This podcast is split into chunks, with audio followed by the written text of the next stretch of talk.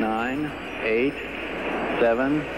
Ignition sequence started. All engines are started. We have ignition. Two, one, zero. We have a liftoff. Welkom bij Sterrenstof, een programma over astronomie en ruimtevaart. Met interviews, het allerlaatste astronomie- en ruimtevaartnieuws en de sterrenhemel van deze maand. Presentatie Anko van Hal. Ja, en hartelijk welkom iedereen. Ontzettend leuk dat je weer luistert naar Sterrenstof. Live vanuit het Allard Pierson in Hartje, Amsterdam. In deze dertigste aflevering gaan we praten met gast en podcastcollega Hens Zimmerman... of er echt leven is gevonden op exoplaneet K218b. En praten we met gast aan tafel Alex Scholte over de dag van de meteoriet op 27 oktober. Alex is publieksvoorlichter van Volkssterrenwacht Buslo. En dit alles doen we samen met onze eigen sterrenstof-sidekicks Anneminke en Las. Ook in deze uitzending natuurlijk onze vaste rubrieken. De vraag van de luisteraar, de knappe vrouwen van Anne Minke, astronomie en ruimtevaartnieuws in het kort, de filmtips van Abe en de sterrenhemel van de maand oktober 2023.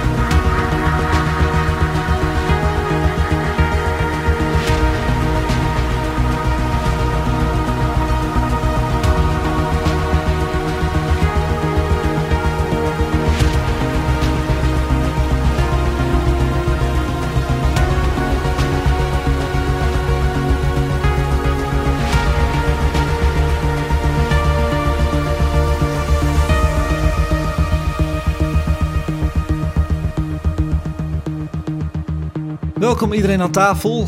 Wat leuk Oh. dat jullie er allemaal weer zijn, dat jullie allemaal willen komen elke maand ook weer. Nou, ja, het met is een heel hele veel eer. plezier. Nou, Ja. wat, wat fijn om te horen. Abe kon er even niet bij zijn in verband met zijn eh, diploma-uitreiking van de HKU. Gefeliciteerd, Abe, veel plezier vandaag. Maar hij heeft wel twee hele bijzondere filmtips voor ons ingesproken. Dit later in de podcast. Abe, dankjewel. Annemieke is wel aanwezig en hoe? Want je nieuwe, eh, nieuwe vaste rubriek over knappe vrouwen in de wetenschap is in hele goede aarde gevallen bij de luisteraars. Dat vind ik heel leuk om te horen. Zometeen een prachtig verhaal over een zus die er toch in slaagde uit de schaduw van haar zeer beroemde astronoombroer te komen. Wie dat is en hoe ze dat deed, blijf hangen voor de rubriek van Knappe Vrouwen van Anne Minke. En sterrenstof teamlid Las is er gelukkig ook weer eens. Hoe lang is dat geleden, Las? Volgens mij ben ik begin van de zomer hier nog een keer langs geweest. Was Ja. volgens mij de laatste uitzending met eh, Pieter de Graaf. Met Pieter de Graaf was de laatste keer. Dat was een hele leuke De muzikale... muziek, eh, ja, dat was, uitzending. dat was fantastisch. Dus, eh, Ja, want een beetje ver weg, hè? daarom ben je er niet altijd. Ja, ja, maar dat is geen probleem om gewoon die reis te overbruggen. Hoor. Ik kom heel graag hierheen. Ja, want ik krijg dan een fotootje hoe je al op de fiets in de Ja, zon hier naartoe ja, komt. ja, ja, WhatsApp. Ja, absoluut. Je hebt er altijd zin in. Zeker weten. Las die maakt ook af en toe leuke YouTube-films. Niet filmpjes, maar echte mooie films voor sterrenstof. Dankjewel. Dat doen we wanneer we dat kunnen. En je maakt op dit moment hele mooie astrofoto's. Ja, Daar ben je net ook. mee begonnen eigenlijk. Ja, ik doe het al wel een tijdje, maar ik heb sinds kort mijn, ehm, mijn collectie aan apparatuur een beetje uitgebreid. Ja. En ja, elke keer als je zo'n stap maakt en je hebt weer wat nieuwe apparatuur, dan gaat mijn hartje weer sneller kloppen, zeg maar. Omdat je echt weer betere resultaten kan maken. En ja, dat is superleuk. Ik deel ze heel netjes ook op onze Insta-story. Dat is heel lief, dankjewel. Maar zet je ze ook ergens anders neer? Nou, ik probeer ze inderdaad op mijn eigen Instagram-profiel eh, te zetten van mijn eh, eigen bedrijf dan. Lars Hoe heet dat? Lars Verhoef Films. En daar probeer ik ook het een en ander te delen, want ik maak niet alleen astrofoto's, maar ook films en van alles en nog wat. Dus wat ik leuk vind om te maken, dat plaats ik ook daar. Dus, De eh, creatieve duizendpoot bij sterrenstof. Ook aan tafel onze vriend van de podcast, noem ik hem altijd, maar ook een beetje een maatje van mij geworden. En jubileumbezoeker. Ja. Dat ben je toch echt wel. Ik heb even teruggekeken. De 20ste was je erbij. De 25ste was de grote jubileumuitzending was je erbij. En de 30ste weer. Dat had jij toch ook zo verzonnen? Ik heb het zo verzonnen. Dat moet je helemaal niet zeggen. Ik wilde eigenlijk zeggen, komt het omdat we een goede taart hebben bij de jubileumuitzendingen. Maar welkom dat je, leuk dat je er weer bent en welkom Hens. Het is een hele eer, Ja, je vindt het een eer hè? Natuurlijk. Ja, het is leuk ik om ben te horen. verder helemaal niemand, dus als ik hier mag aanschuiven. Kijk, daar, daar gaat hij weer. Dat doet hij altijd. En Simmerman vind ik, en is ook zo, is de grootste astronomie-podcastmaker van Nederland. En eh, met recht. En daarom vinden wij het een eer dat jij Ja. er bent. En dat, is ik precies zeggen. wat ik wilde Het is zeggen. wederzijds. Maar hij dus. wordt een beetje rood. Je hebt weer een hoofdonderwerp mogen uitkiezen. Ja, we hebben in het nieuws nu dat er eh, eh, biomarkers gevonden zijn bij een exoplaneet. Dat is toch wel op de grens van dat het heel spannend wordt het moment dat de mens toch echt moet concluderen dat er leven op een andere planeet is. We zitten op één lijn, uh, Zimmerman in Space. Ja. Want um, je hebt daar al een column over uitgebracht afgelopen Zeker. week. Hè? We nemen dit op 22 september. En dit is zo leuk dat we nu aan een uh, talkshowtafel zitten... zodat we verder kunnen discussiëren over jouw column ja. en over dit onderwerp. En zometeen ook aan tafel gaan we luisteren naar Alex Scholten. Waar gaan we het over hebben, Alex, met jou? Ja, we gaan het hebben over de dag van de meteoriet. Een uh, meteoriet die in 1873 gevallen is. En dat is uh, 27 oktober, precies 150 jaar geleden. Ja. Dus een mooi moment om de aandacht aan te besteden. Leuk, ik heb er zin in om daarover te hebben, want dat wist ik helemaal niet. Dat is 27 oktober, de dag van de meteoriet. Oké, okay, ik ga je zo uitgebreid voorstellen. Maar eerst onze volgende traditionele vraag. Jullie weten het, hè? Uh, ik ben een strenge schoolmeester hierin. Wat hebben jullie afgelopen maand september aan de hemel gezien? Het was een korte maand, het is een vroege opname, maar toch, je weet maar nooit. Wie wilde beginnen? Ja, nou, wat je zegt, het is een vroege maand. Maar zoals ik net ook al zei, ben ik uh, op pad geweest met mijn nieuwe apparatuur. Dus ik heb best Ja. wel wat sterrenhemels uh, gezien. Ondanks toch wel wat bewolking. Hoe Eh, doe je dat eigenlijk met de bewolking? Want eh, je doet ook lange Ja. belichtingstijden en zo. Ja, ja, je moet met de bewolking vooral geluk hebben, want daar heb je niet echt invloed op. Nee. Dus ja, je houdt continu, of ik hou dan continu in de gaten de weersvoorspellingen. Eh, Ik heb verschillende websites die bewolking kunnen aangeven en, en dat soort zaken. Maar Ja. Dan is het alsnog een beetje gokken soms. En soms dus ook pech hebben dat je staat, heel je apparatuur ingesteld... en dat in één keer de bewolking begint eh, over te vliegen. En wat heb jij gezien en gefotografeerd? Nou, ik was aan de gang gegaan met mijn nieuwe apparatuur. En allereerst heb ik geprobeerd het Andromeda-stelsel op de foto te zetten. Nou, dat is vrij goed gelukt, Zeker. zoals je had gezien. Ja. Daar had ik best geluk met, het, ehm, eh, met de bewolking. Maar ook dat, dat vergeten sommige mensen nog wel eens. Dat is gewoon een ander sterrenstelsel... wat ruim 2,5 miljoen lichtjaar van ons afstaat. Kijk, ja. Maar in een vrij donkere, goede, heldere hemel... kun je hem met het blote oog gewoon zien als een soort vlekje. Ja. Eigenlijk als toch echt wel iets anders dan een ster als je goed kijkt. Nou Ja. woon ik gelukkig in Brabant... waar het, nou ja, niet heel donker is... maar beter dan hier in Amsterdam. En dan kun je als je lang genoeg kijkt en je ogen laat wennen, kun je dat nog best goed zien. Nou ja, en de sterrenbeelden zijn veel duidelijker te zien en alle kleine sterretjes die te, eh, tevoorschijn komen. Dus ja, en de standaard dingen als Jupiter, Saturnus waren ook erg fel. Maar ik was echt wel onder de indruk van ja, het aantal sterren en sterrenbeelden wat ik dit, deze maand heb gezien. Dat klinkt misschien heel standaard, maar ik was er gewoon een keer flink van onder de indruk. Ja, Dus dat, heb je eh, me ook eh, laten weten op WhatsApp. Je deelt het ook heel fijn in onze Sterrenstof groepsapp. Gelukkig. En eh, ik heb het gedeeld, jongens, via onze Instagram. En dat is Sterrenstof Nieuws op Instagram. En dan kun je even kijken onder de oranje septemberknop. En dan zie je de foto van de Andromeda-nevel van Las. Dat is de moeite waard. Irene is er niet bij. Maar Irene, die had iets heel aparts gezien. En daar gaan we nu even naar luisteren. Ik heb zoiets raars aan de hemel gezien. Een stoet van 40 lichtjes aan de hemelhorizon. Niet normaal.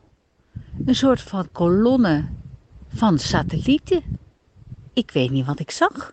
Heel erg raar. Eh, ongeveer op eh, noordwest. Het ging vanuit het eh, noorden naar het westen. Ik dacht, misschien weet jij daar meer van. Ja, je hoort ook de verbazing in haar stem. Zo had ze het ook ingesproken. Het was helemaal niet de bedoeling dat ik dit zou uitzenden. Ik heb wel eh, toestemming gekregen om het uit te zenden. Maar ze was totaal verbaasd. En inderdaad, ik denk dat jullie allemaal, jullie knikten ook. Jullie weten wel wat het is ook. Dat zijn de Starlink. Ja. En ik doe altijd mijn best om ze zo te zien zoals Irene ze toevallig heeft gezien. Dat was de Starlink eh, 5314 lancering. En toevallig was dit ook, Irene, luister goed, een mijlpaalmissie voor SpaceX. Die op 26 augustus 2023 eh, 22 nieuwe Starlink-satellieten naar boven bracht via een Falcon 9-raket.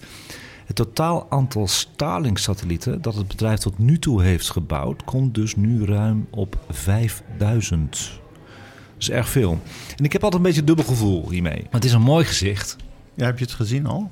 Ik heb het een keertje gezien vorig Ja. jaar. Ja, ik vind het heel mooi om te zien. En Het is natuurlijk ook voor jou, eh, Lars, en voor iedereen die aan astrofotografie doet. En voor de Hubble-telescoop zelfs al, is het een drama. Wat vinden jullie ervan?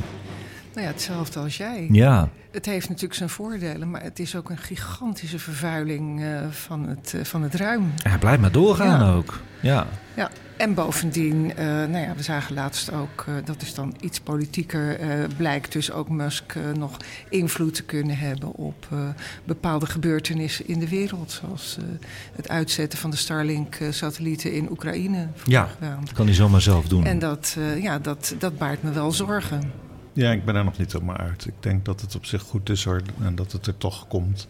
Mhm. En we concentreren ons met sterrenkunde nu vooral ook op uh, ruimtetelescopen. Dus ja, sinds uh, halverwege de vorige eeuw lanceren we die dingen. Ja. Ja, het dwingt ons om anders te gaan denken. En ik denk dat er inderdaad dan ook wel radiotelescopen elders in het zonnestelsel geplaatst gaan worden. Dus aan de ene kant triest, aan de andere kant, ja, we hebben allemaal baat bij internet. En ik snap dat dit soort dingen er toch moeten komen. Ja, oké. Okay, dat is ook en een mening. Musk doet op zich wel zijn best hoor, om die dingen toch wat donkerder en wat minder opvallend te maken. Hij zit ook vast aan een verdrag, hè? Ruimteverdrag. Dus hij Ja. moet daar zich aan houden. Ja. Oké, eh, nou even weer verder dan met eh, de sterrenhemel van september. Annemink, heb jij nog wat leuks gezien? Ja, ik heb Saturnus gezien en dat vind ik altijd heel cool. Ja, dus, heb je hem ook door de telescoop gezien trouwens? Nee, nee, dat vind ik zo jammer. Ja. En eh, ja, ik heb geprobeerd ook nog met een verrekijker, maar ja, Dat is toch lastig? dat is lastig. Je Ja, moet eigenlijk een statief hebben, hè? ja, Ja. ja, ja nee, dat, dat, dat wiebelt te Wiebelt veel. veel. en, je eh, ziet wel een eitje door de verrekijker. Ja, Kom een altijd keer bij mij kijken bij mijn Ja, telescoop. ja. Hartstikke leuk. Hens, heb jij nog wat leuks gezien? Ik eh, baat nog in de luxe van dat we in Zuid-Frankrijk waren in augustus. Ja. In een dorpje waar om middernacht de lampen allemaal uitgaan.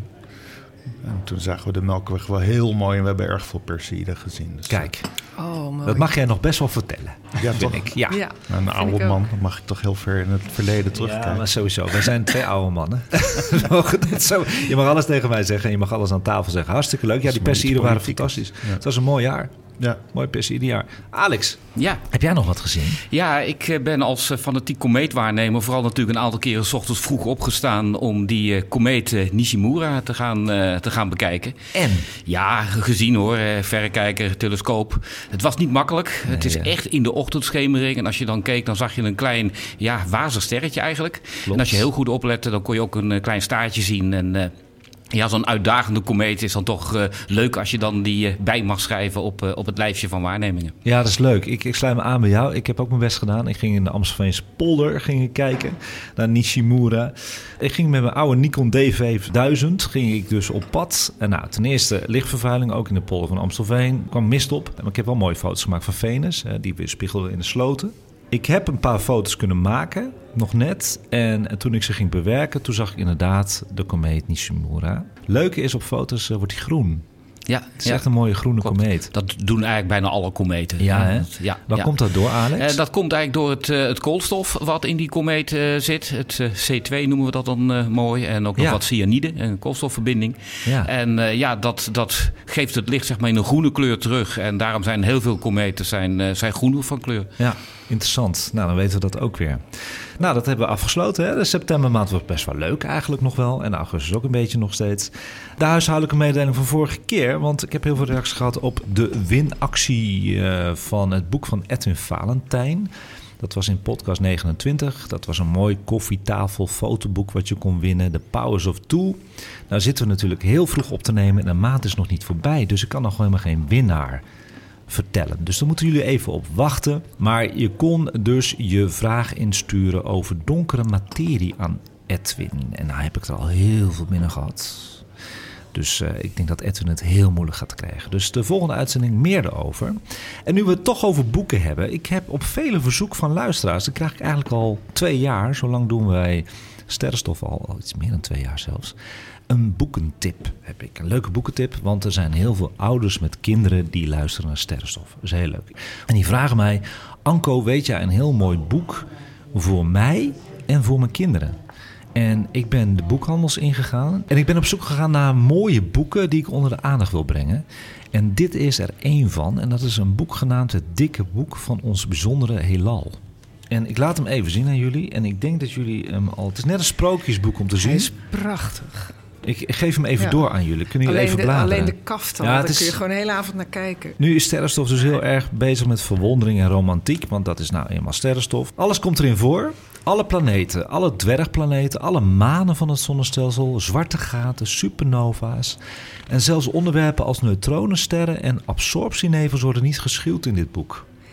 Ja, hij is echt waanzinnig Ja, het is mooi. niet normaal. En, en, en leuke tekst ook. Gewoon heel begrijpelijk Ja. voor iedereen. Ja, allemaal zeer duidelijk omschreven. En waanzinnig mooie eh, tekeningen. En, en, En ook echte foto's ertussen. ja, en goud op snee, hè? Ja. Ik schat dat dit al te lezen is van 8 tot 10 jaar af. Oh, zeker. Ja, dat denk ik wel. Ik denk voor volwassenen ook toch geweldig. Ik zou hem zelf willen hebben. Ja, ziet er leuk uit, hè, Hens? Ja, bijzonder, ja. Ja. Ik heb dit exemplaar opgevraagd bij uitgeverij Lano, zodat ik er een eh, oprechte mening over kon geven en het jullie even kon laten zien en laten doorbladeren. Het boek is verkrijgbaar in de betere boekwinkels en online bij deze.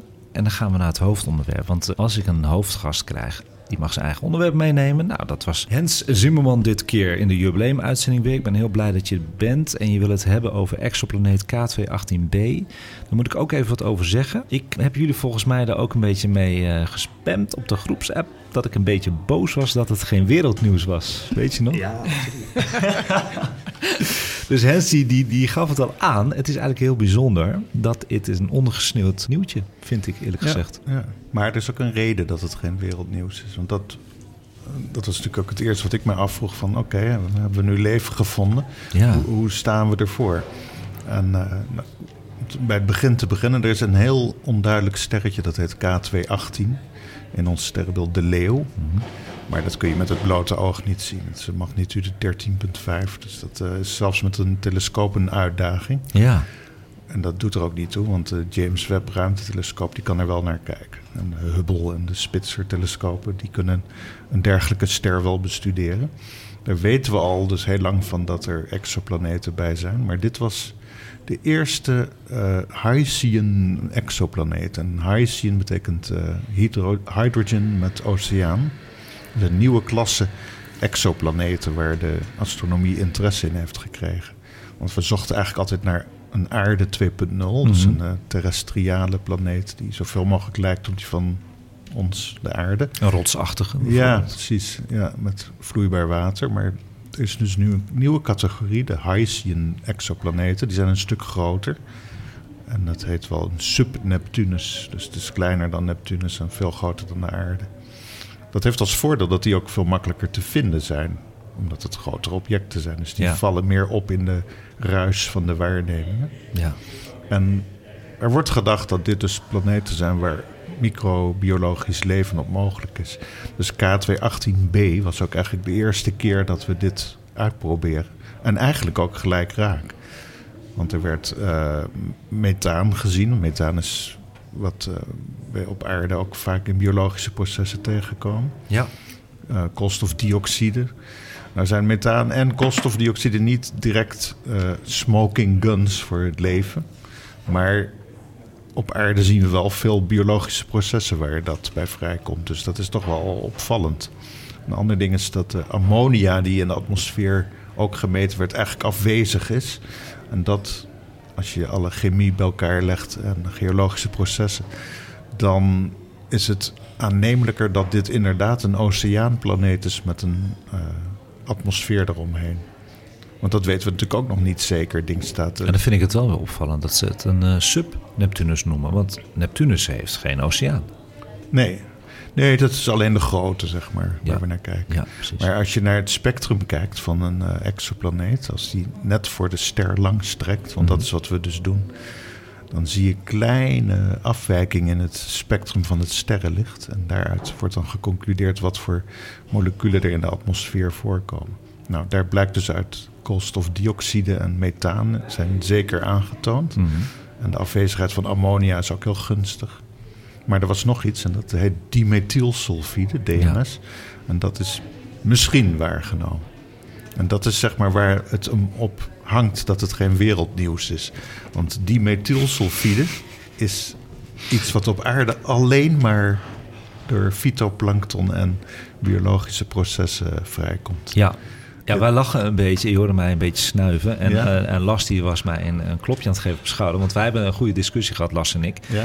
Ik was een beetje boos dat het geen wereldnieuws was, dat zeg ik al. En Las die legde precies het uit zoals jij. Ja. Het komt dat het nog niet zeker is. Ja, En waarom is het niet zeker? Dat ligt aan het spectrum waar we naar kijken. Want we kunnen op verschillende golflengtes kijken. We hebben nu van, als ik me goed herinner, van 0,9 naar 5,4 micrometer gekeken. Mhm. En daarin is dimethylsulfide niet zo heel erg duidelijk aan te wijzen. Dat is meer een soort bergje wat overlapt met koolstofdioxide en methaan. ja. En daarmee is het nog net niet zeker genoeg. Dus. Maar wat we wel kunnen doen, en dat is waarschijnlijk het, wat, het volgende wat gaat gebeuren. De James Webb ruimtetelescoop kan ook in een net iets uh, hoger golfbereik kijken. En daar zit een duidelijkere piek voor dimethylsulfide. Dus dat is waarschijnlijk het volgende wat gaat gebeuren. Mijn vraag is dan: waarom is het dan naar buiten gebracht dan? Waarom met het misschien? Waarom niet een maandje wachten? Zijn we toch mee bezig? En dan gelijk pas boom zeggen er is leven gevonden. Dat is een beetje wat Ik altijd kan er heel gebeurt. slecht tegen, eerlijk Ja? gezegd. Ja. Dat is eigenlijk een beetje wat altijd gebeurt in, in eh, wetenschapsnieuws. Want wetenschap is op zich dat je alles naar buiten brengt in artikelen. En dan zijn er allerlei eh, mensen die dit vertalen naar populair wetenschappelijk nieuws. En daaraan zie je heel vaak dat er iets uitgelicht wordt wat nog helemaal niet zeker is, maar wat meer hypewaarde heeft. Dus dat doe ik zelf in mijn eigen podcast ook wel eens. Dan is er een nieuwtje en dan denk je, is dit eigenlijk wat het belangrijkste wat er is gebeurd? Ja. En dan ga je Een beetje mini-clickbait. Nou ja, en dat is ook wat de mensen willen. Hè? We Ja. willen gewoon bedrogen worden en, en, en raar nieuws horen en ufo's zien en zo. Ja. Dus Wat ik me dan nog afvraag, Hens, misschien heb jij daar wel het antwoord op. Als er zo'n duidelijke piek nog, waar we het net over hadden, een stukje voorbij eigenlijk het bereik zit waar we nu hebben gekeken.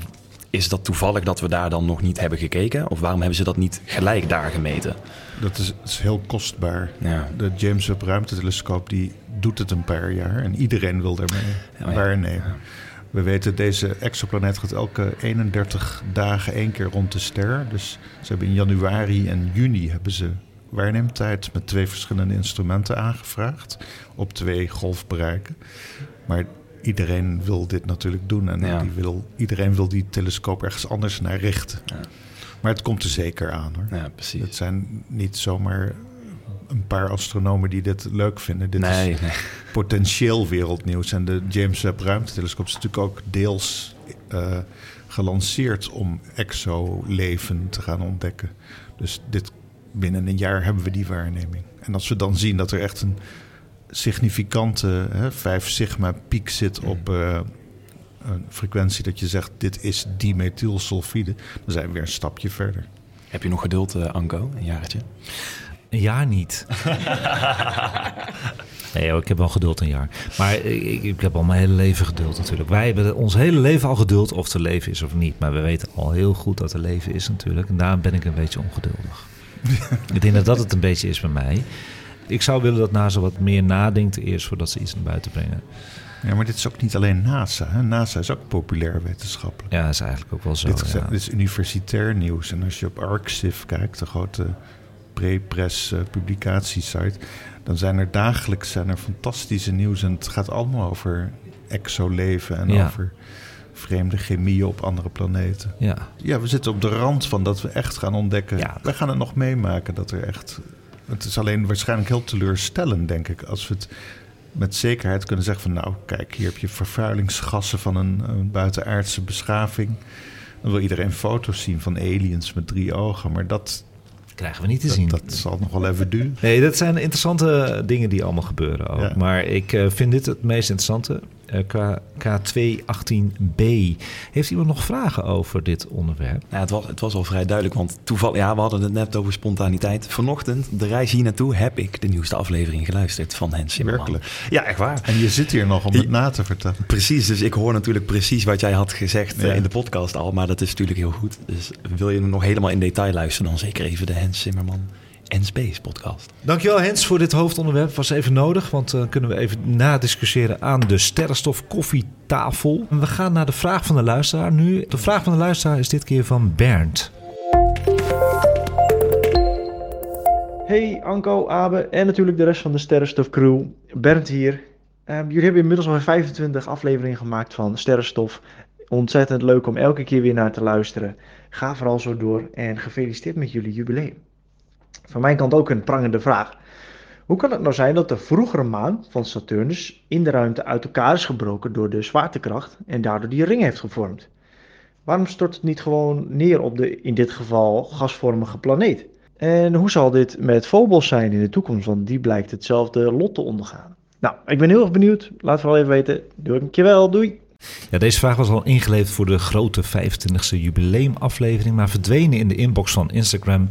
Want Instagram besluit zelf oudere inboxberichten opeens te verplaatsen, verstoppen en op te ruimen. Pas als dezelfde persoon mij weer eens bericht, komt dat ook weer terug, dat archiefbericht. Dus uh, eindelijk, uh, na vijf afleveringen, toch de vraag van Bernd. Dankjewel Bernd, leuke vraag. En uh, ja, ik val uh, Hens Simmerman altijd lastig als hij mijn uitzending is of hij al gelijk een antwoord weet. Ik heb hem ook hier papier, maar heb jij een antwoord voor Bernd? Nou, een, een maan draait al om een planeet, dus die heeft baansnelheid. Ja. Dat is een zekere hoeveelheid energie. En zolang er geen reden is om rechtstreeks naar beneden te vallen, blijft het in een baan in cirkeltjes draaien. Net zoals het ISS niet neerstort. Nou hebben we in het International Space Station wel te maken met wrijving. Dus moet af en toe de motor aangezet worden om dat ding weer wat hoger te zetten. Maar een beetje maan rond Saturnus zal daar gewoon eeuwen blijven draaien. Mhm. Ook al valt die uiteen in brokken, dan wordt het een ring die daar eeuwen blijft draaien. Ja, en hoe zit het met Phobos? Want die gaat ook richting Mars. Ja, die zit ook eh, ver boven de überhaupt al erg dunne Marsatmosfeer. Dus die zal toch ook tijdenlang nog rondjes blijven draaien. Nu is het wel zo dat uiteindelijk alles neerkomt waarschijnlijk. Ja. Ook al zijn er een paar moleculen, als je een triljard jaar geduld hebt, dan komt het heus wel neer op Mars. Ja, precies. Maar zou dat een ring vormen? Het zou heel goed kunnen. Het zou kunnen, hè? Ja. Phobos zal niet op Mars neerstorten, maar het zal ook geen intacte maan blijven. Voorspellen ze nu, maar dat weten ze ook niet zeker, zoals je zegt. In plaats daarvan zal het in de toekomst een ring van puin rond Mars worden. Dat is wel interessant. Dat maken wij niet meer mee. Dat duurt nog uh, miljoenen jaren. Dan gaat Mars dus een beetje op Saturnus lijken. Ja, maar die brokken van Phobos zullen wat groter zijn. Want Phobos is maar een heel klein maantje. Dus je krijgt niet zo'n hele mooie volle ringen zoals bij Saturnus. Alex. Ja, want inderdaad, die ringen van Saturnus, dat is belangrijk om ook te weten dat die eigenlijk vooral uit ijskristalletjes uh, bestaan. Ja. En daarom ook zo helder uh, zijn. En er is ook een, een, wel een idee waarom die ringen inderdaad er zo zijn. Ook een antwoord op de, op de vraag. Um, als je nu een maan hebt die om een planeet heen draait en die bijvoorbeeld een rotsachtige kern heeft, er zit een ijslaag omheen en die wordt dan door de zwaartekracht, de eb- en vloedwerking zeg maar, uit elkaar getrokken, dan zal dat ijs anders reageren dan die harde kern. Zeker. En het idee is eigenlijk dat die, dat ijs is er als het ware afgestript en dat is inderdaad de ring geworden en dat de oorspronkelijke kern mogelijk gewoon als een supermeteoor uh, de dampkring van Saturnus ingevlogen is en dus inderdaad weg is. Ah, dat is ook wel een hele mooie. Die staat niet op mijn papiertje. Dat is een goede invalshoek. Leuk, Alex. Dankjewel hiervoor. En er is ook een theorie dat trouwens uh, de ring van Saturnus continu wordt aangevuld. Hè? Door? Door andere manen die eromheen ah, ja. draaien. Ze hebben inderdaad ontdekt dat de ringen vrij jong zijn. Hè? Dus niet ja. eigenlijk echt al zo oud zijn als Saturnus is, hè? miljarden jaren. Klopt. Maar dat je eerder in de tientallen of honderden miljoenen jaren moet denken dat die ringen van Saturnus er uh, zijn. En ooit ook zullen verdwijnen. Langzaam maar zeker valt dat materiaal weg. Uh, dus ja. over miljoenen jaren hebben we misschien helemaal geen ring meer om Saturnus. Nee, daar hebben we het een keer over gehad. Het valt neer op Saturnus. Ook het regent eigenlijk ringen op Saturnus nog steeds. Ja. Ik vind het toch wel heel erg leuk ik vind het gewoon een soort uh, songtitel. Het regent ringen op Saturnus. Ja. Dus daar zou je gewoon een liedje van kunnen maken, ja. toch? Voor alle luisteraars, hier komt uh, onze gebruikelijke pauzebumper. En dan ga ik altijd voor ons aan tafel nieuwe koffie of thee halen... om energie op te doen voor het tweede gedeelte van de podcast... met onze vaste rubrieken. Dus ik zou zeggen, dit kan een mooi moment voor jullie zijn... om de podcast even te pauzeren en hetzelfde te doen. Of een plaspauze in te lassen of zo. Tot zo. Welkom bij Sterrenstof. Een programma over astronomie en ruimtevaart. Met interviews, het allerlaatste astronomie- en ruimtevaartnieuws en de sterrenhemel van deze maand. Presentatie Anko van Hal. Nou, we hebben ondertussen taart gegeten, luisteraars. Dus we zijn weer helemaal fris en fruitig, denk ik. Het is tijd voor astronomie en ruimtevaartnieuws in het kort. En uh, jullie konden vorige uitzending meedenken over een alternatieve naam voor de knappe vrouw van Anne Minke in de astronomie en ruimtevaart. Nu hebben we daar enkele reacties op gehad, zoals uh, Star Women, Supernova's, door Thomas was dat, en de Sterren van Venus door Jordi. Dank je wel daarvoor. Maar over het algemeen vonden luisteraars de titel Knappe Vrouw gewoon prima. En uh, we zijn een beetje gaan praten, Anneminke en ik, afgelopen ja. week. En eigenlijk vinden wij dat best wel een leuke titel nog steeds. We zijn er eigenlijk best nog wel tevreden over. Zullen we het gewoon houden op Knappe Vrouwen? Ja, laten we dat maar gewoon doen. Goed zo. Ja. Bij een nieuwe rubriek hoort ook een nieuwe bumper. Dat is een beetje jargon in de radiowereld, bumpers. Dat is gewoon een kleine jingle, hè? Hele kleine jingle. En ik heb er een paar opgestuurd via... Nou, ik had van Hensen al een hele pakket gekregen. Ik heb een paar opgestuurd naar jou. En je hebt er eentje uitgezocht. Daar gaan we even naar luisteren. Een paar, vijftien. Hè? Vijftien.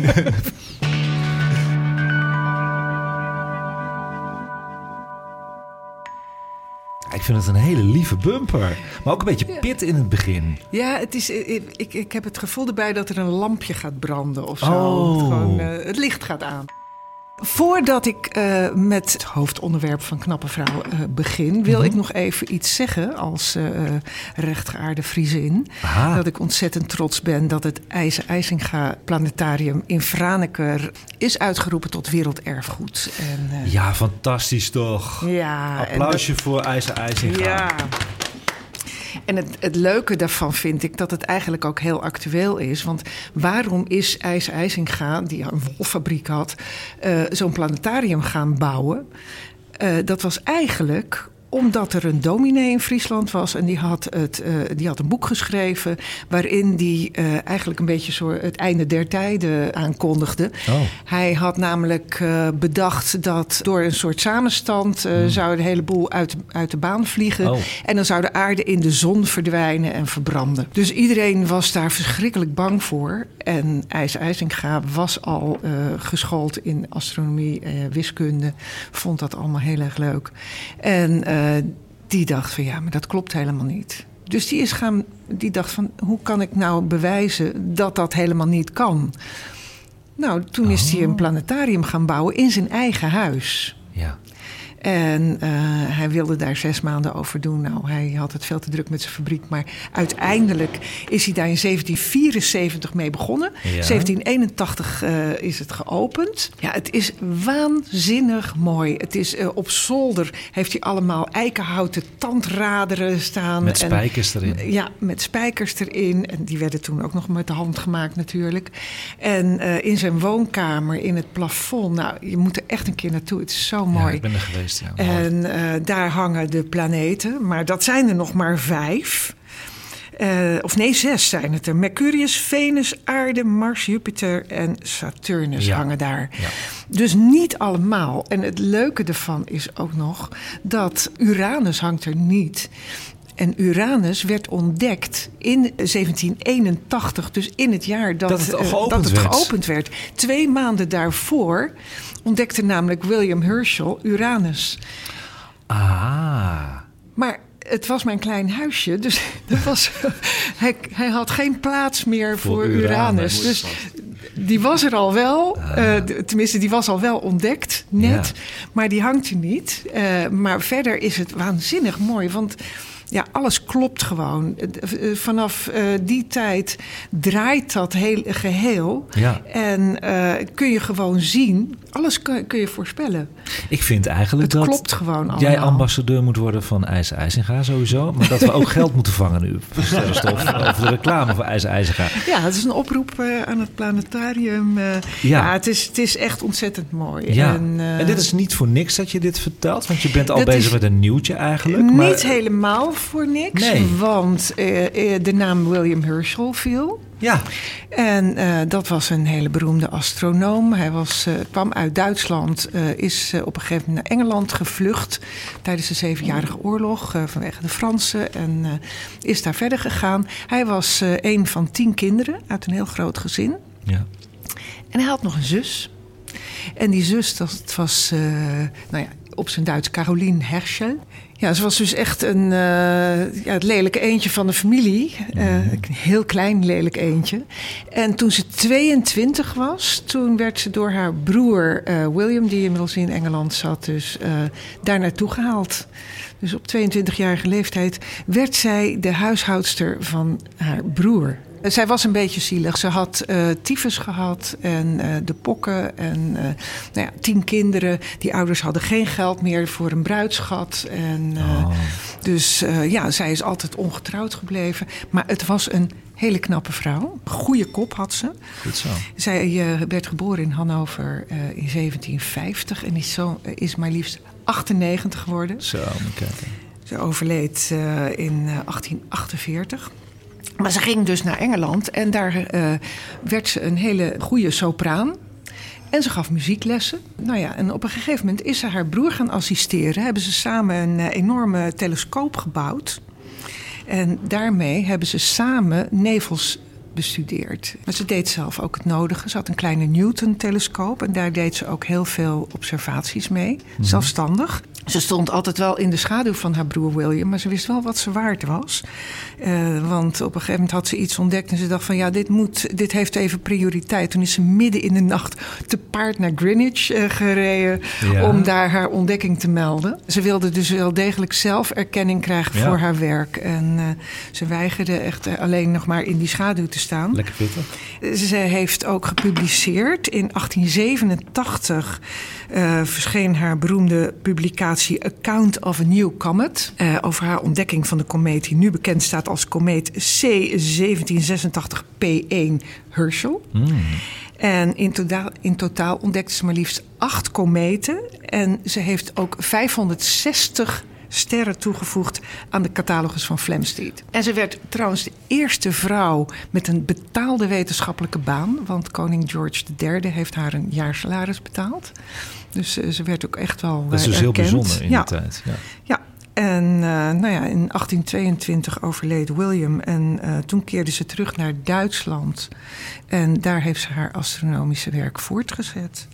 En ze werd inderdaad erkend. Eh, ze werd lid van de British Royal Society en de Royal Irish Academy. En in 1846, toen was ze dus 96, twee jaar voor haar dood, ontving ze de gouden medaille voor de wetenschap van de koning van Pruisen. Dus zo klein als ze was, zo astronomisch was haar betekenis eh, Ja. in de astronomie. Mooi zeg, mooi uitgelicht hoor, Anneminke. Dank je wel weer. Ja, graag gedaan. Wist iemand aan tafel van het bestaan van Caroline Herschel? Ja, Alex? Jazeker, inderdaad. Nou, ook met mijn eh kometenachtergrond. Ja. Hè, maar eh, ja, eh, ook op de Sterrenwacht in Busselo houden we regelmatig presentaties. Ook over, over vrouwen in de sterrenkunde. Ja. En daar komt Caroline inderdaad ook uitgebreid aan bod. Het was een zeer markante astronome. Het volgende nieuwtje. Jij hebt iets te vertellen over wat er in oktober gaat gebeuren. Ja, de dag van de meteoriet. Ja. Eh, eh, nou, ik misschien even uitleggen wat de meteoriet is voor eh, de luisteraar, voor ze dat niet weten. Dat zij, is eigenlijk een steen uit de ruimte. Ik heb hier, de mensen die hier zitten kunnen hem zien. Ik heb hier een paar meteorieten Oh, je hebt twee meegenomen, ze zijn eigenlijk van allerlei soorten. Je hebt ze wat steenachtig, je hebt ze wat ijzerachtig.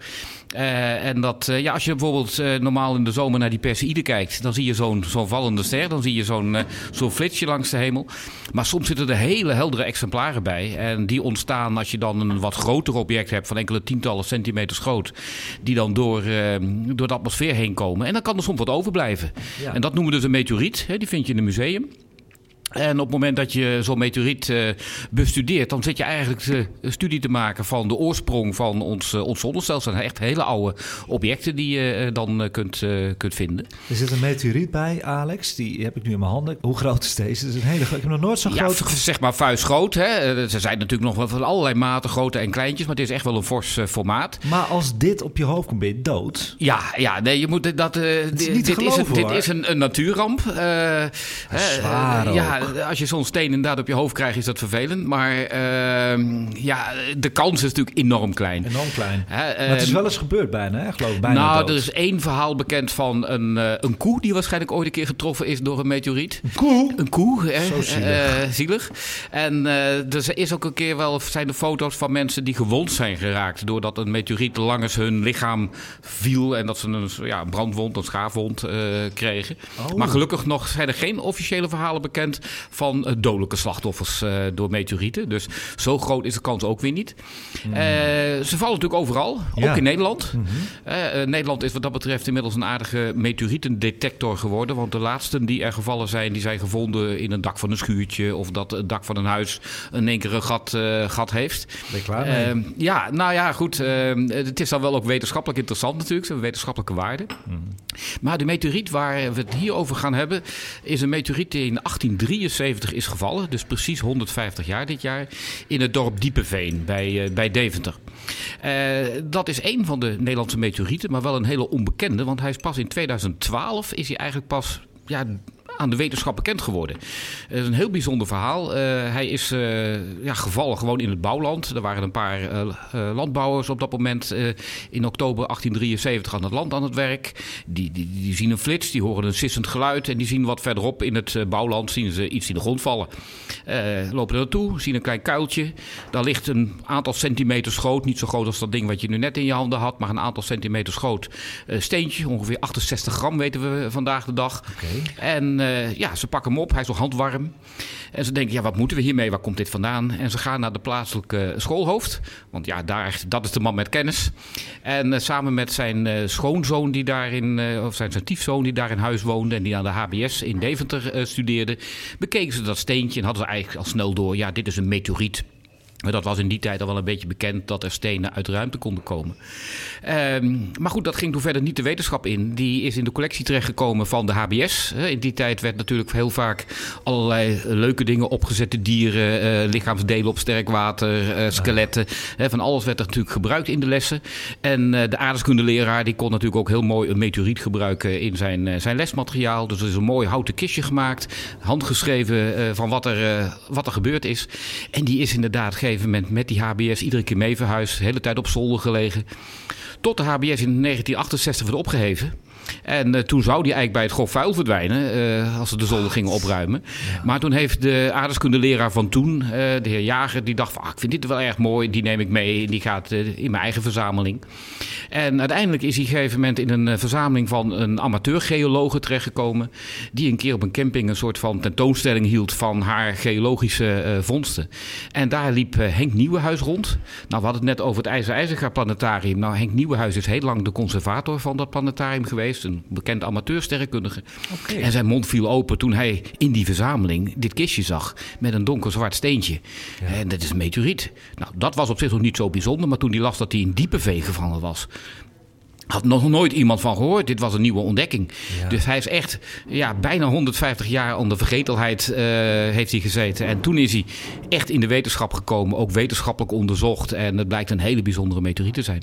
Hey, en dat verhaal wat je vertelt, hoe dat ontdekt is en zo, dat hij de hand warm was en zo, dat onthoud ik allemaal heel goed. Vind ik heel leuk. Ik zie het ook helemaal voor me, hè, hoe dat gebeurt. Uh, is dat opgeschreven? Ja, eh, toen die, uh, die stiefzoon inderdaad dat kistje gemaakt heeft, heeft hij ook keurig inderdaad die gegevens opgeschreven. van, van familie Bos heeft dat ding gevonden op die datum, dat tijdstip. Dus dat is goed gedocumenteerd. Ja. En daardoor is het ook mogelijk gebleken om uh, nu te, uit te zoeken of dat ook werkelijk waar kon zijn. Want in het begin dacht men nog even, dit is een uit de hand gelopen 1 april grap. Ja. Hè, om zo'n kistje te maken en net te doen of er een, uh, een Nederlandse meteoriet is. Maar als je dan in bevolkingsregisters, et cetera, kijkt, dan hebben al die mensen die daar ook in dat verhaal uh, beschreven staan, die hebben ook inderdaad allemaal geleefd. En Diepeveen is nog steeds een, een dorp in de buurt van Deventer. Sterker nog, de vindplaats, de plek waar die ooit gevonden is, is nog steeds landbouwgrond. Dus je kunt nog gewoon inderdaad echt naar die plek toe gaan waar die toen gevonden is. Maar is het nou zo, 27 oktober is de dag van de meteoriet van Diepeveen? Zo moet je het zeggen? Ja.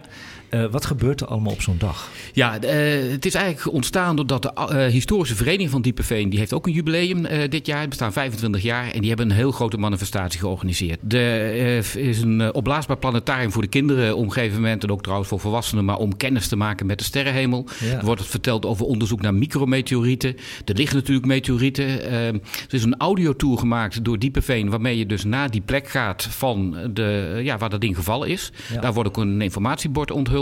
Er wordt een monument onthuld, een herdenkingsboek. En s'avonds zijn er interessante presentaties door, uh, door wetenschappers over deze uh, meteoriet. Een, een soort mini-symposium uh, waar dan ja, verteld wordt over de geschiedenis van deze meteoriet. Maar ook het wetenschappelijke onderzoek wat er inmiddels dus gedaan is. En hoe we in Nederland sowieso proberen ja, meteorieten te detecteren. En allerlei camera's gebruiken om ja, toekomstige vuurbollen die dan verschijnen. Om dan meteen te kunnen uitrekenen waar je moet gaan zoeken als je een meteoriet vinden. Ja, oké. Okay, nou heb ik hier twee van die... Uh, want je hebt er twee meegenomen. Ja. Twee meteorieten, hè? Dit kan ook een, een, gewoon een steen zijn. Uh. Ja, kan nog, het is ook een, noem het een steenmeteoriet. Hij bestaat ook gewoon uit steen. Wat opvalt is, dat is ook nu nog wel te zien. Dit is een oude uh, steenmeteoriet die gevallen is ooit een keer in Marokko. Maar je ziet nog steeds een donkere smeltkorst. Door die, ja. door, door die hitte die, de, die die ondergaat, heeft hij vaak een donkere smeltkorst. Dat is ja. wel een kenmerk wat, wat misschien in eerste instantie opvalt. Ehm, dus ja, het is heel lastig om meteorieten uit de ruimte te onderscheiden van Ja. aards gesteente. Daar heb je vaak een microscoop en dergelijke bij nodig. En het is natuurlijk het mooiste als je gewoon ziet vallen. Hè, Ja. Dan, dan, ja, dan, Dan weet je je ongeveer- meteen of dat je weet dat er één gevallen zou kunnen zijn. Hè, dankzij foto's, dat je gaat zoeken in een bepaald gebied. Ehm, en er zijn verschillende klasses. Ik heb hier dus twee hoofdklasses meegenomen. De steenmeteoriet en de ijzeren meteoriet. hè. Die bestaat vooral uit ijzer-nikkel. Die is dan wat herkenbaarder. Eh, maar de diepe veen die zit er een beetje tussenin. Die heeft ook heel veel koolstof. Dus die lijkt ook heel erg zwart. Eh, eh, net zoals grafiet en steenkool. Ja, maar dat maakt hem ook heel erg kwetsbaar. Het is eigenlijk verwonderlijk dat hij die 150 jaar overleefd heeft. Want als die niet opgepakt was door die landbouwers daar... en de eerste volgende regenbui die er dan is... dan is zo'n meteoriet meteen in één keer, eh, ja, die verdwijnt. Dat, dat verpulvert helemaal en daar blijft niks van, eh, van over. Dat vind ik interessant. Dus hij overleeft wel de dampkring van, Ja. de, van de aarde, maar hij verpulvert door de regen van de aarde. Hij is zo kwetsbaar dat inderdaad dat de invloeden van aarde, regen, wind en dergelijke, die, eh, ja, die gaan hem toch op een gegeven moment kapot maken. En dan vind je hem nooit meer, nooit meer terug. Nee. En, eh, ze hebben hem hier dus inderdaad keurig bewaard, netjes in een kistje. En dat heeft hij keurig inderdaad 150 jaar eh, overleefd. Dit, is, dit is hem niet, hè, in het Nee, kistje? nee, nee. Je- dus- Helaas zal hij ook niet in Diepeveen zijn straks. Hij is zo kwetsbaar. Hij is inmiddels eh, geschonken aan Naturalis. Het is ook eh, nationaal erfgoed. Oh ja. En eh, Naturalis in Leiden, dat is ook de plek waar natuurlijk het wetenschappelijk onderzoek wordt, wordt gedaan. En daar ligt hij helemaal veilig geconditioneerd opgeborgen. zodat hij ook in de toekomst voor de wetenschap beschikbaar blijft. Je praat zo lekker, Alex. Ga jij ook spreken, 27 oktober? Nee, ik ben zelf niet de spreker. Ik Oh. spreek wel regelmatig, maar er zijn een heleboel sprekers. Ik ben die dag uiteraard wel, wel aanwezig. Ehm, maar er zijn inderdaad vooral sprekers uit de wetenschappelijke wereld. Hè, mensen die dus ook dat wetenschappelijk onderzoek hebben meegedaan, die daarover gaan eh, vertellen.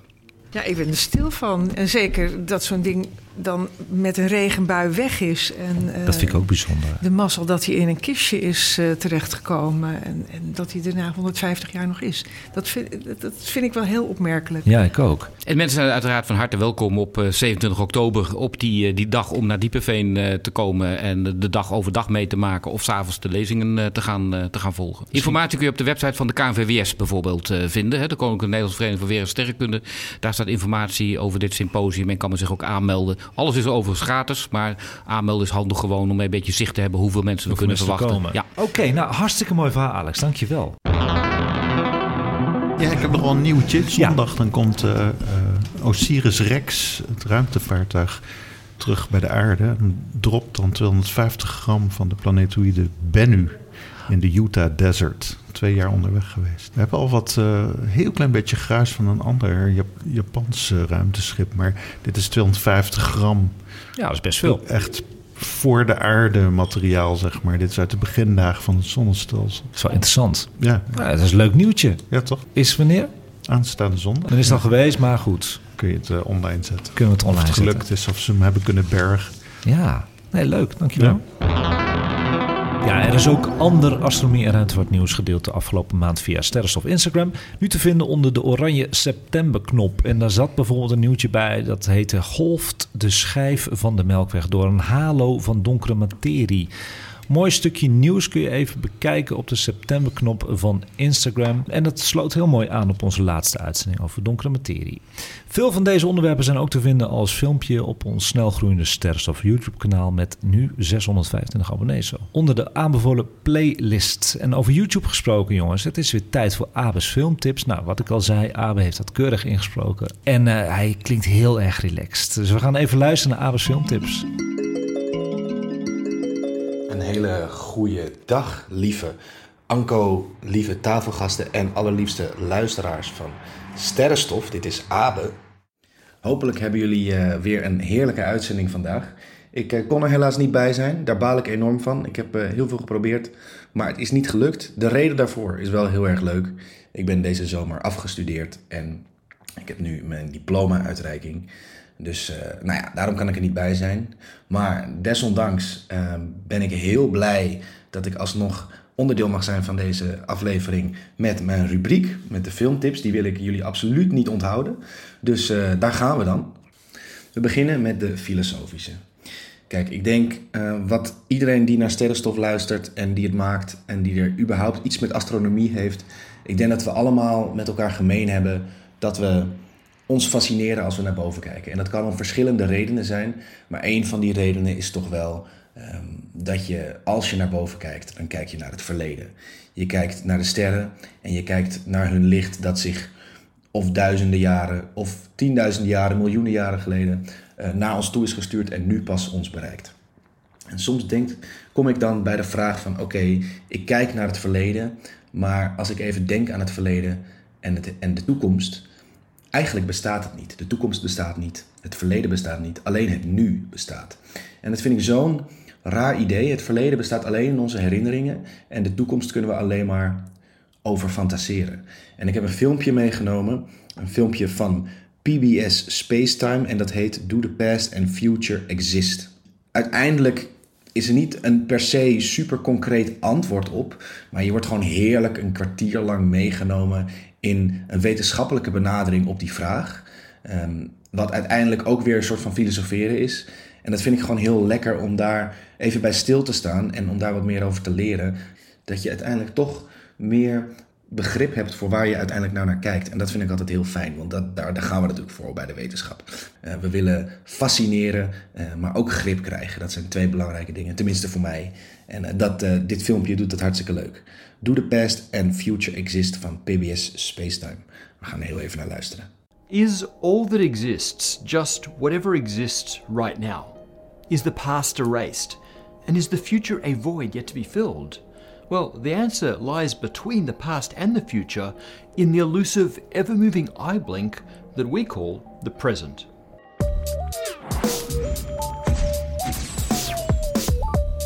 Today, we're starting a deep dive into the nature of time. And down that rabbit hole, we'll encounter the physical origin of time, the question of determinism, and even what this tells us about consciousness and free will. Big questions that'll take us to the edge of what physics can answer, and perhaps beyond. But today we're definitely doing physics because physics already tells us a lot about the reality of the past, future, and present. We think of the world that exists as the world of the now the past is gone, except in our memories, and the future is a blank slate ready to be written into the past.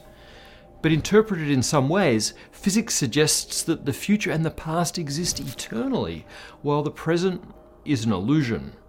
To show you why this might really be the case, we need to actually visit the past. Het volgende fragment waar we naar gaan luisteren, dat gaat over een onderwerp waar velen van jullie, en nou, misschien velen ook niet, uh, al bekend mee zijn. En dat is The Theory of Everything. Er zijn heel veel boeken over geschreven, er is van alles over verteld.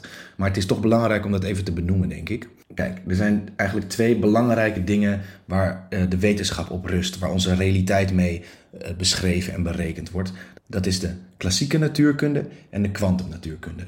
De kwantumnatuurkunde gaat over het allerkleinste, het atomaire, het micro, micro, micro niveau om wetenschap mee te bedrijven, als het ware. En de klassieke natuurkunde gaat over uh, de objecten met de grote massa's, dus de planeten en de sterren en nou ja, andere hemellichamen. Uh, dat zijn allebei twee manieren om onze realiteit te beschrijven.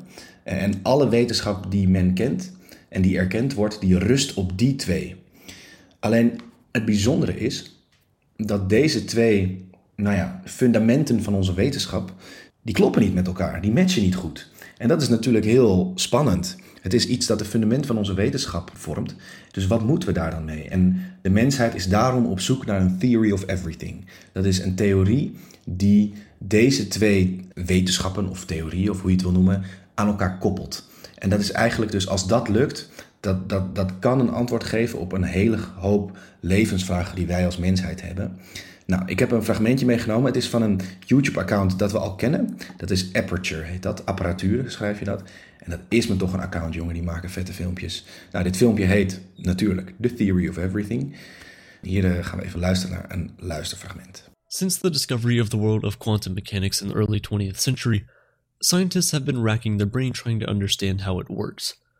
Even a century later, we're still not sure how and why subatomic particles behave the way they do. But that's just half the problem. The discovery of quantum theory posed a more serious issue that Einstein, Stephen Hawking, and other world renowned physicists have been working tirelessly to solve. That challenge can be summarized in one word unification. You see, modern physics is split into two pillars classical physics, the physics of Newton, Einstein, and Galileo, which predicts gravity and describes the motion of massive things in our cosmos like stars and planets, and quantum physics, which governs the world of subatomic particles according to his own set of laws and rules. Both pillars describe their respective worlds accurately, but fail when applied to each other's subject matter. Einstein's preoccupation was that there must be a way that these two worlds could reconcile. There has to be a theory that unifies the world of the subatomic with the world of the massive. A theory that can predict, well, everything. Now you might be thinking, so why should we care? Well, a unified theory that can bridge both of these worlds could potentially unlock many of our universe's secrets and answer some of the deepest philosophical and theological questions that we've been asking since the days of Galileo. What are we truly made of? What happened before the Big Bang? Are we living in a multiverse? The unified theory, or the theory of everything, might just have the answers to all of these questions. Oké, dat was het weer. Lieve luisteraars, lieve tafelgasten en lieve Anko, dank jullie wel dat ik weer onderdeel mocht zijn van deze opname. En uh, ik wens iedereen een fantastische oktobermaand toe. Tot later.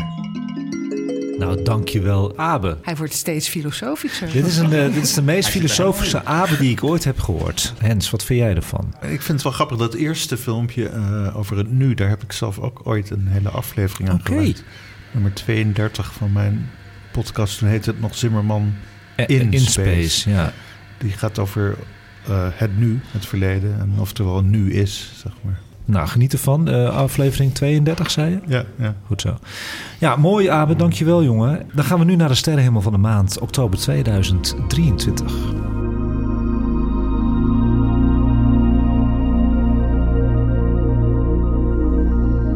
Ja, we gaan weer sterren kijken vanuit uh, je balkon, je tuin of vakantieadres. Sterrenhemel van de maand, oktober 2023, beginnen we altijd met de planeten.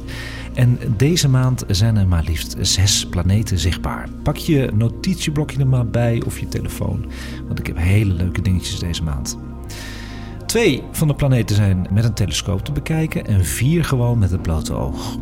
Uranus en Neptunus staan hoog aan de hemel en zijn met behulp van de nodige sterrenkaartjes en sterrenkijk-apps goed te vinden middels een telescoop. Wie heeft aan tafel wel eens Uranus en Neptunus gezien door de telescoop? Ja, Alex? Jazeker. Ja. Jij ook, Hens, hè?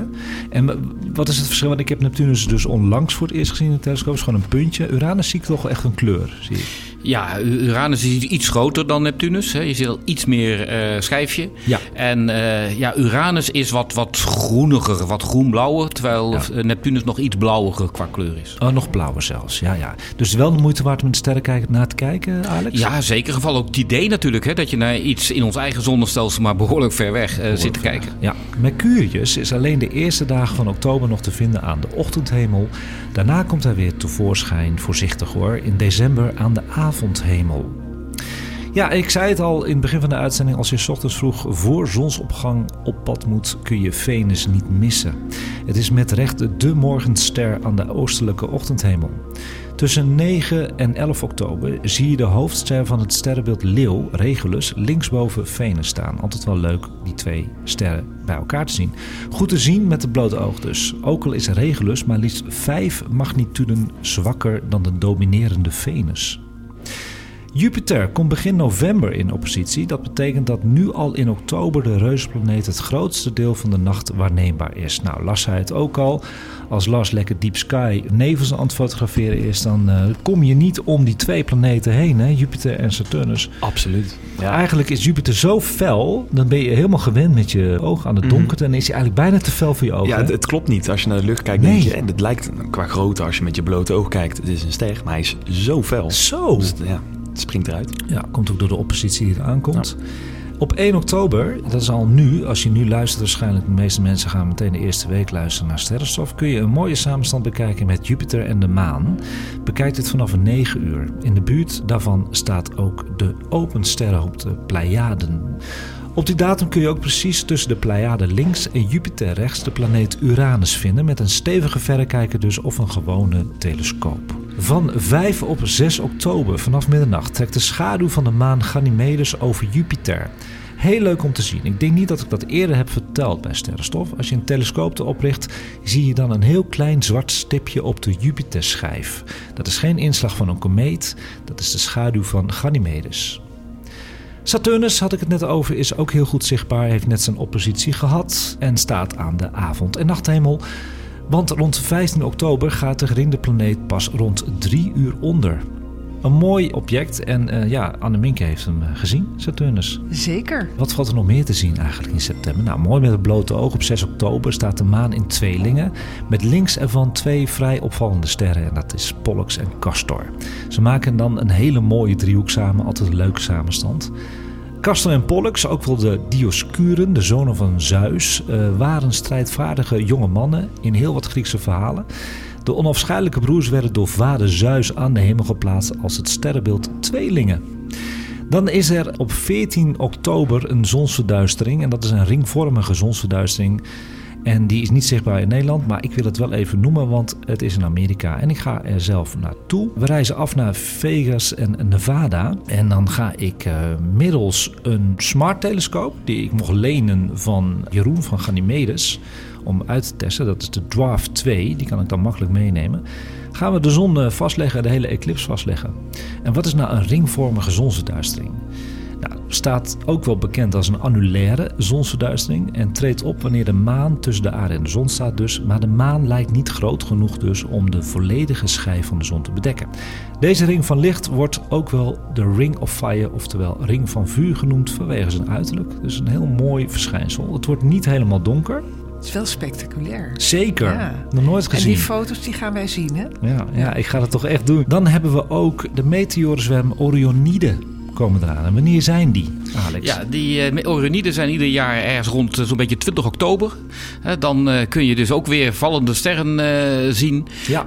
dit jaar ook weer vrij gunstig qua, qua maanlicht. Het is wel meer de ochtendhemel. Hè. Sterrenbeeld Orion is echt een wintersterrenbeeld. Dus komt pas wat meer in de ochtenduren voldoende boven de horizon. Maar als je dan weer een mooie plek weet te vinden met een goede donkere hemel en geen bewolking. Ja, kun je toch echt ook weer diverse meteoren langs de hemel zien flitsen. Hoeveel ongeveer per uur? Ja, het aantal zal minder zijn dan met de Perseïde. dus ik denk dat je nou, hoger dan 10, 20 misschien per uur zo'n beetje kunt, uh, kunt pakken. dat is toch de moeite waard. Leuk, Orionide dus. En dan hebben we ook nog één leuk verschijnsel. Het is een mooie volle maand voor hemelverschijnselen. En dat is de gedeeltelijke maansverduistering van 28 oktober. Ja, het is natuurlijk niet zo spectaculair als een totale maansverduistering, want dan wordt de maan lekker rood, hè, van bloedrood. Maar er komt een hap aan de onderkant van de volle maan. En dat is vanaf kwart over negen s avonds op 28 oktober, schrijf het maar op. Dat betekent dus eigenlijk dat rond kwart over tien je heel erg duidelijk met het blote oog onderaan een hap ziet. En dat is eigenlijk de rand van de aarde. Ja, het leuke is ook, het valt samen met de Nacht van de Nacht. Dat is een jaarlijks terugkerend uh, fenomeen. Hè? Ook van natuurmonumenten en sterrenwachten die daar aan meedoen. Dus het is ook een mooie gelegenheid om naar een sterrenwacht te gaan. En dan ook door de telescoop bijvoorbeeld naar die maan te kijken. Ja, dat is leuk dat je dat zegt. Dat wist ik helemaal niet. Leuk. Waar je op de hoogte via ons Instagram-account op Sterrenstof Nieuws. En tot zover Sterrenstof live vanuit het Allet Pearson te Amsterdam. Je kunt mij mailen voor vragen, opmerkingen en tips over astronomie en ruimtevaart op sterrenstofnieuws.gmail.com. En je kunt Sterrenstof natuurlijk ook vinden op Instagram en YouTube. Met de hele maand door nieuws en updates en soms eigen gemaakte films van de hand van Las. Volg ons op Sterrenstof Nieuws. Terugluisteren kan altijd via alle bekende podcastplatformen. En deze podcast werd mede mogelijk gemaakt door Ganymedes Optische Instrumenten te Amstelveen, de telescopenwinkel van Nederland. En dan wil ik bedanken Alex, Anneminke, Hens en Las voor het komen naar deze leerzame en gezellige 30ste aflevering. Dankjewel jongens. De techniek was in handen van Erik. En de heerlijke koffie werd weer verzorgd door het café Allet Pierson. Iedereen bedankt voor het luisteren en voor het anoniem doneren aan onze Sterrenstof voor je pot. Mede dankzij jullie voor je kunnen we doorgaan met het produceren van sterrenstof. Wij waarderen een kleine bijdrage enorm. Tot de volgende keer weer en kijk eens wat vaker omhoog.